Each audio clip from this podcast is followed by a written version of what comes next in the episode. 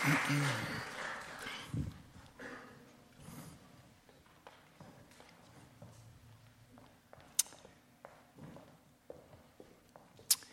ungdomsarbeidet vårt så har vi en visjon. Vi ønsker å gjøre unge mennesker på Søm og i Randesund til bevisste etterfølgere av Jesus Kristus. Jeg er veldig glad for at i dag så får vi vise dere hvordan våre ungdommer jeg jobber for at det skal skje. Eh, vi ønsker å vise dere hvordan ungdommen tilber. Vi ønsker å vise dere hvilken glede og energi som eh, finnes i ungdommen på Sømmer i Randesund. Dere fikk møte de når dere kom inn. Eh, vi har hatt en fantastisk start på året i ungdomsarbeidet vårt. Konfirmantene er over 40 stykk. Tiendeklassingene på Jim de er like mange. Takk. Det samles titalls med ungdommer hver onsdag på bønnemøter, bønn- og lovsangsmøter. Og så har vi vært i snitt 170 ungdommer hver fredagskveld. Det er utrolig gøy.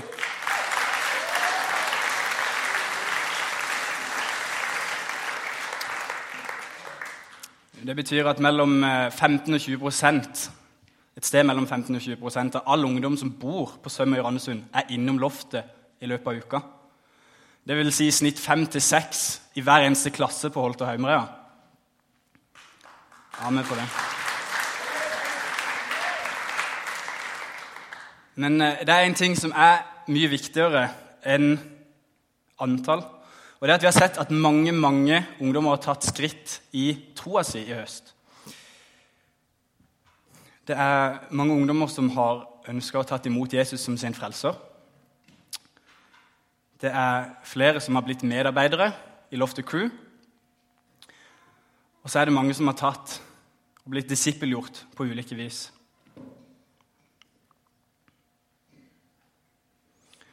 Det er mange som kommer til forbønn. Det har vært kø i forbønnsrommet hver eneste fredag. Vi har liksom, jeg måtte løpe og hente folk. Kan du be for folk? Fordi det står sånn fem, seks, syv utenfor bønnerommet som ønsker å bli bedt for. Og For meg så er det det sterkeste som har skjedd i høst. fordi det viser at vi kan på en måte legge til rette eh, med, det vi, med, det vi, gjør. Men så, til slutt så er det Gud som er til stede og berører ungdommene sine hjerte. Gud kommer og, og rører ved ungdommene. Og det, det har vært utrolig sterkt. Jeg takker Gud hver dag for at uh, han er med oss i det arbeidet som vi gjør. Jeg er så takknemlig for uh, at han har vært med og velsigna arbeidet vårt i høst. Så om du ønsker å være med uh, på å forandre ungdommen sitt liv, så håper jeg også at du ønsker å være med og bidra på loftet. Det er alltid plass til flere. Vi er veldig takknemlige. Vi har en del voksne som er med og gjør en stor forskjell. Så etter møtet må du gjerne ta tak i meg, og så skal vi se. Jeg har en lang liste med ting jeg gjerne skulle hatt hjelp til. Det har vært veldig fint.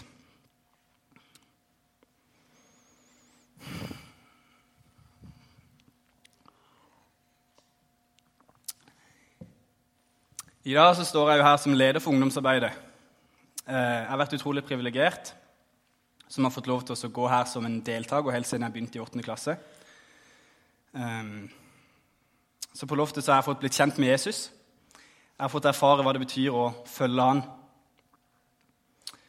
Jeg kommer fra en kristen familie, og jeg har på en måte hele livet vært en del av et kristent miljø. Ehm, så den kristne troa og verdisynet har alltid vært tett på livet mitt.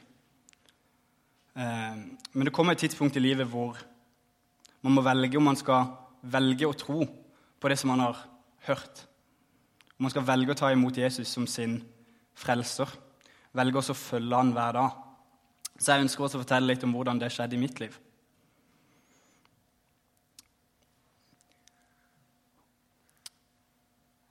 Og så um, For å gjøre det så har jeg lyst til å um, gjøre en sammenligning. Jeg har lyst til å um, sammenligne apostelen Paulus, Justin Bieber og meg sjøl.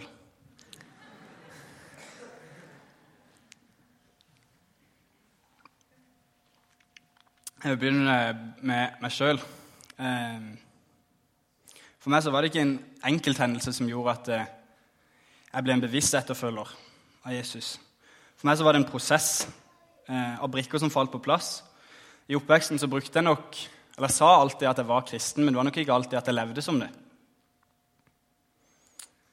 Jeg var mer opptatt av hva jeg ville for livet mitt, enn hva Jesus ville for livet mitt. Og jeg brukte nok Jesus eh, Jeg brukte nok Jesus istedenfor å la han styre livet mitt. I oppveksten så skulle jeg være best i alt. Eh, selvtilliten ble bygd på hvor mye som jeg klarte å oppnå. Jeg bygde min egen verdi på hva verden syntes var viktig. Meninga med livet, målet for livet mitt, det var å bli kjemperik og veldig suksessfull. Det var min tankegang når jeg vokste opp. Det var det som på en måte var, som styrte meg. Og jeg følte meg veldig vellykka en stund. følte meg veldig sånn, yes, Jeg var elevrådsleder, jeg spilte på A-laget i fotball, jeg fikk gode karakterer jeg hadde mange venner. Men etter hvert så, som jeg ble eldre, så var det en ting som, jeg, som alltid plagde meg. Uansett hvor mye jeg klarte å få til, som jeg kunne være stolt av, så klarte jeg aldri å slutte å gjøre dumme feil. Jeg klarte aldri å slutte å dømme folk, jeg eh, klarte aldri å slutte å være egoistisk, å slutte å bli sint eller slutte å være sjalu. Jeg fant ut at selv om jeg ble kjemperik og suksessfull, så kom jeg aldri til å klare å leve et perfekt liv.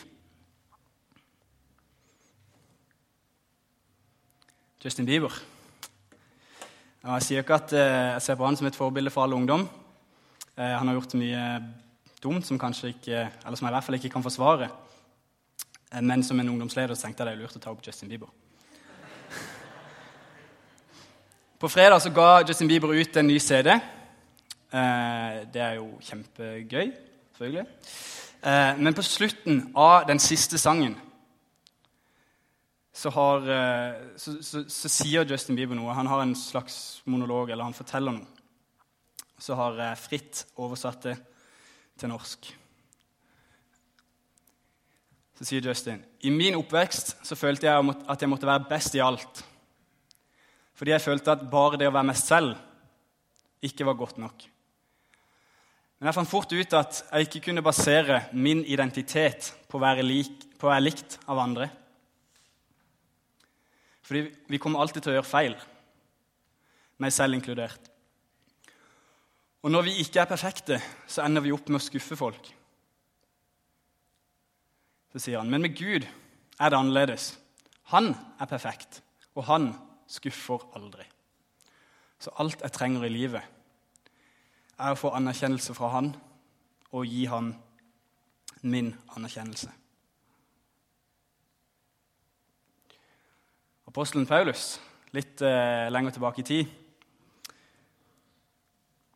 Og det er gøy å se at eh, det som står i Bibelen, fremdeles kan gjelde i dag.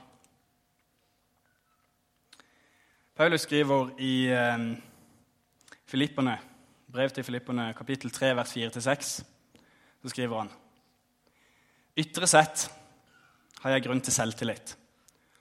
Om andre mener de kan sette sin lit til det ytre, kan jeg det enda mer. Jeg er omskåret på den åttende dagen. Jeg er Israels folk, av Benjamins stamme, hebreere og hebreere, Lovlydig fariseer, en brennende, ivrig forfølger av kirken, uklanderlig i min rett. Ferdighet etter loven. De, de, tingene som Paulus beskriver, kan være litt fjernt for oss i dag, kanskje, men på den tida som Paulus levde, så ble han nok sett på som en skikkelig hunk. Eh, det er litt som at en av oss i dag skulle si at eh, jeg bor i Norge, har jo hytte ved sjøen og hytte på Hovden og kjempefint hus og har en hund og barn og har alt på stell, liksom har alt det som jeg forventa at vi skal ha for å leve et vellykka liv.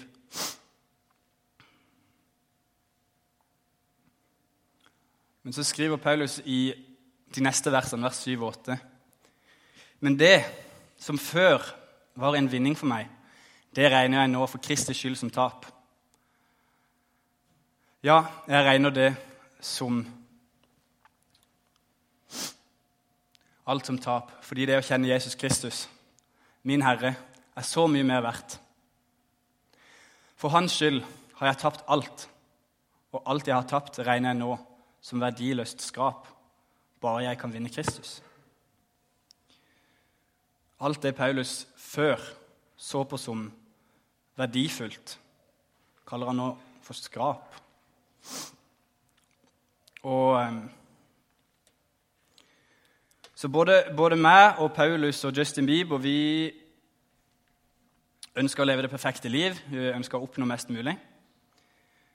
Og for, Først så tenkte alle tre at det handla om å oppnå mest mulig her på jorda. At det på en måte var meninga med livet.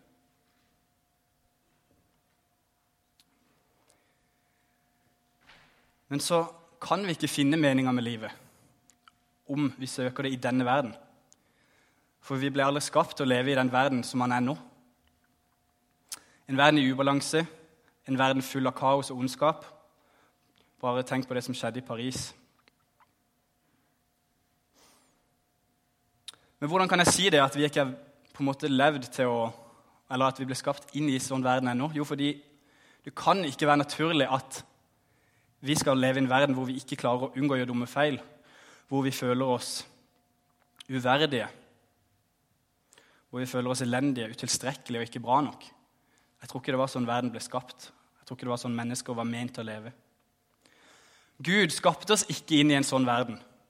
Gud skapte oss inn i en verden som vi kan lese om i begynnelsen av Bibelen.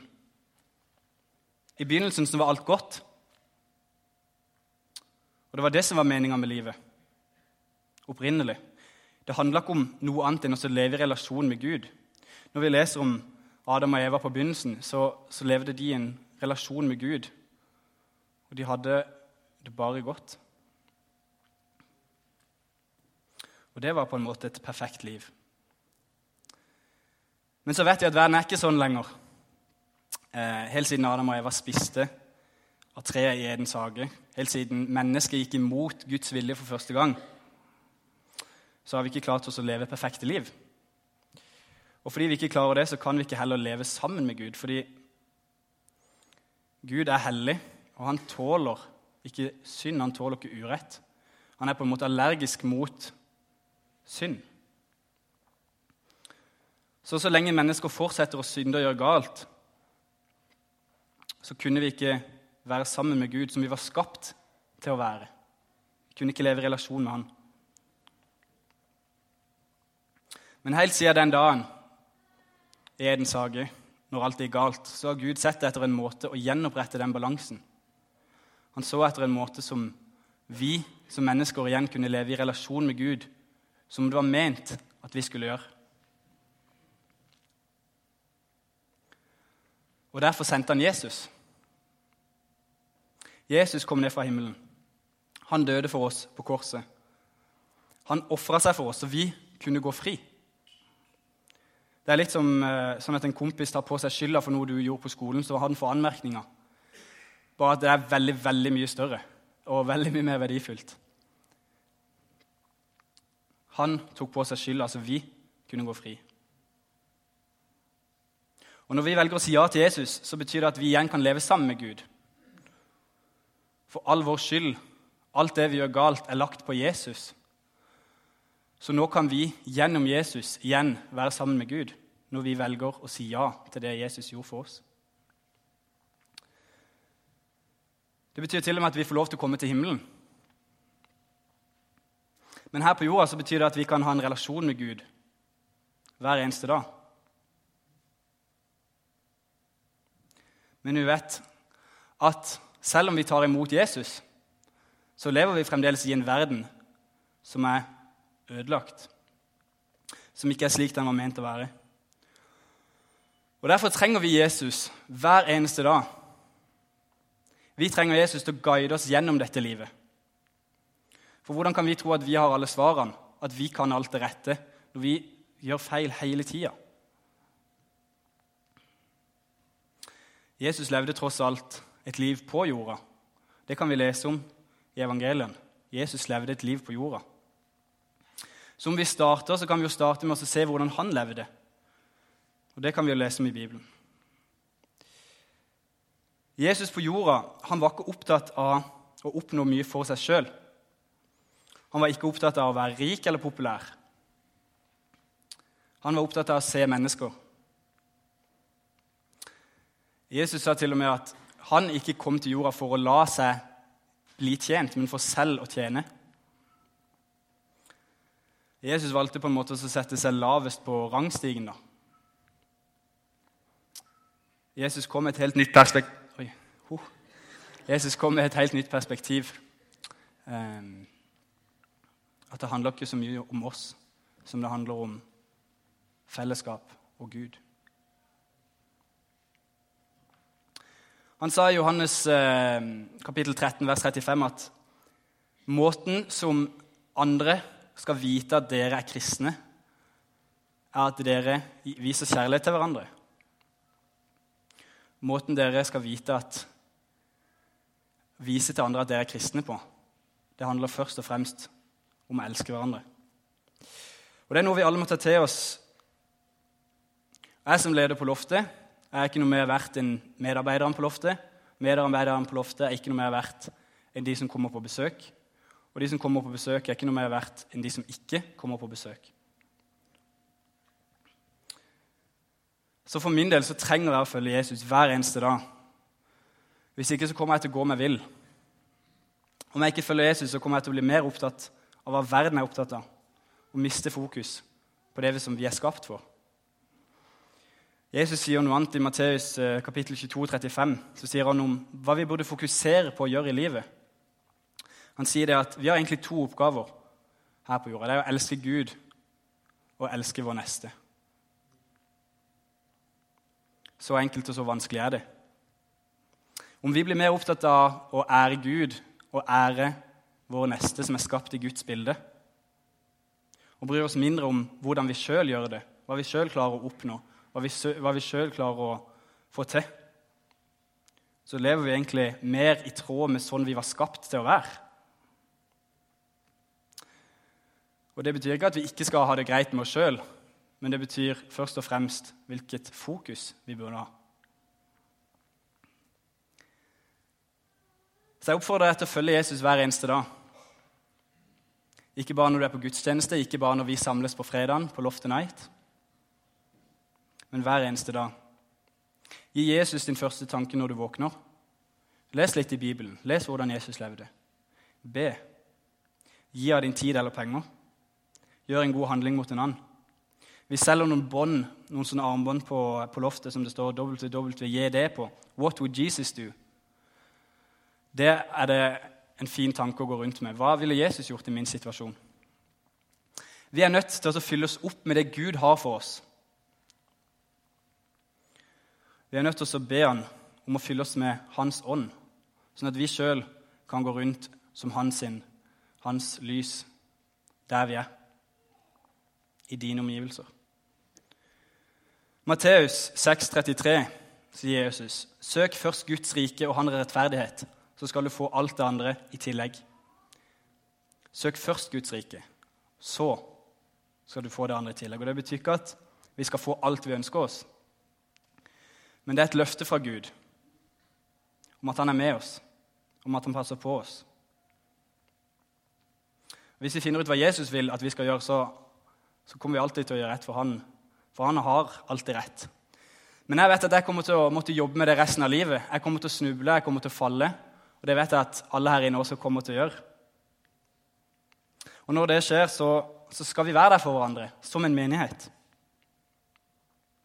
Enten det er på gudstjenesten eller på loftet. Vi er én samla menighet som jobber sammen for å spre Guds rike her på jorda. Vi er ett fellesskap som samla ønsker å følge Jesus.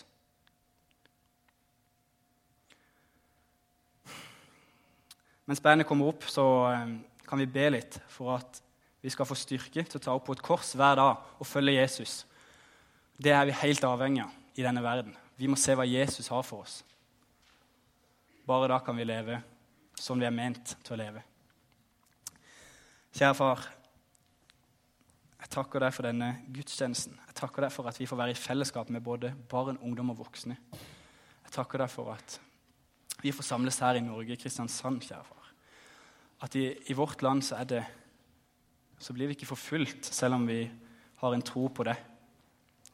Må du være med de andre i de andre landene der de opplever forfølgelser, forfølgelser og spesielt nå i Paris, kjære far. Vi ber om at du skal gi oss styrke hver dag, Jesus. Gi oss styrke hver dag til å følge deg. Gi oss styrke til å gjøre de valgene som, for våre liv som er, som er i din vilje, Jesus. Gi oss styrke til å følge deg hver dag. Amen.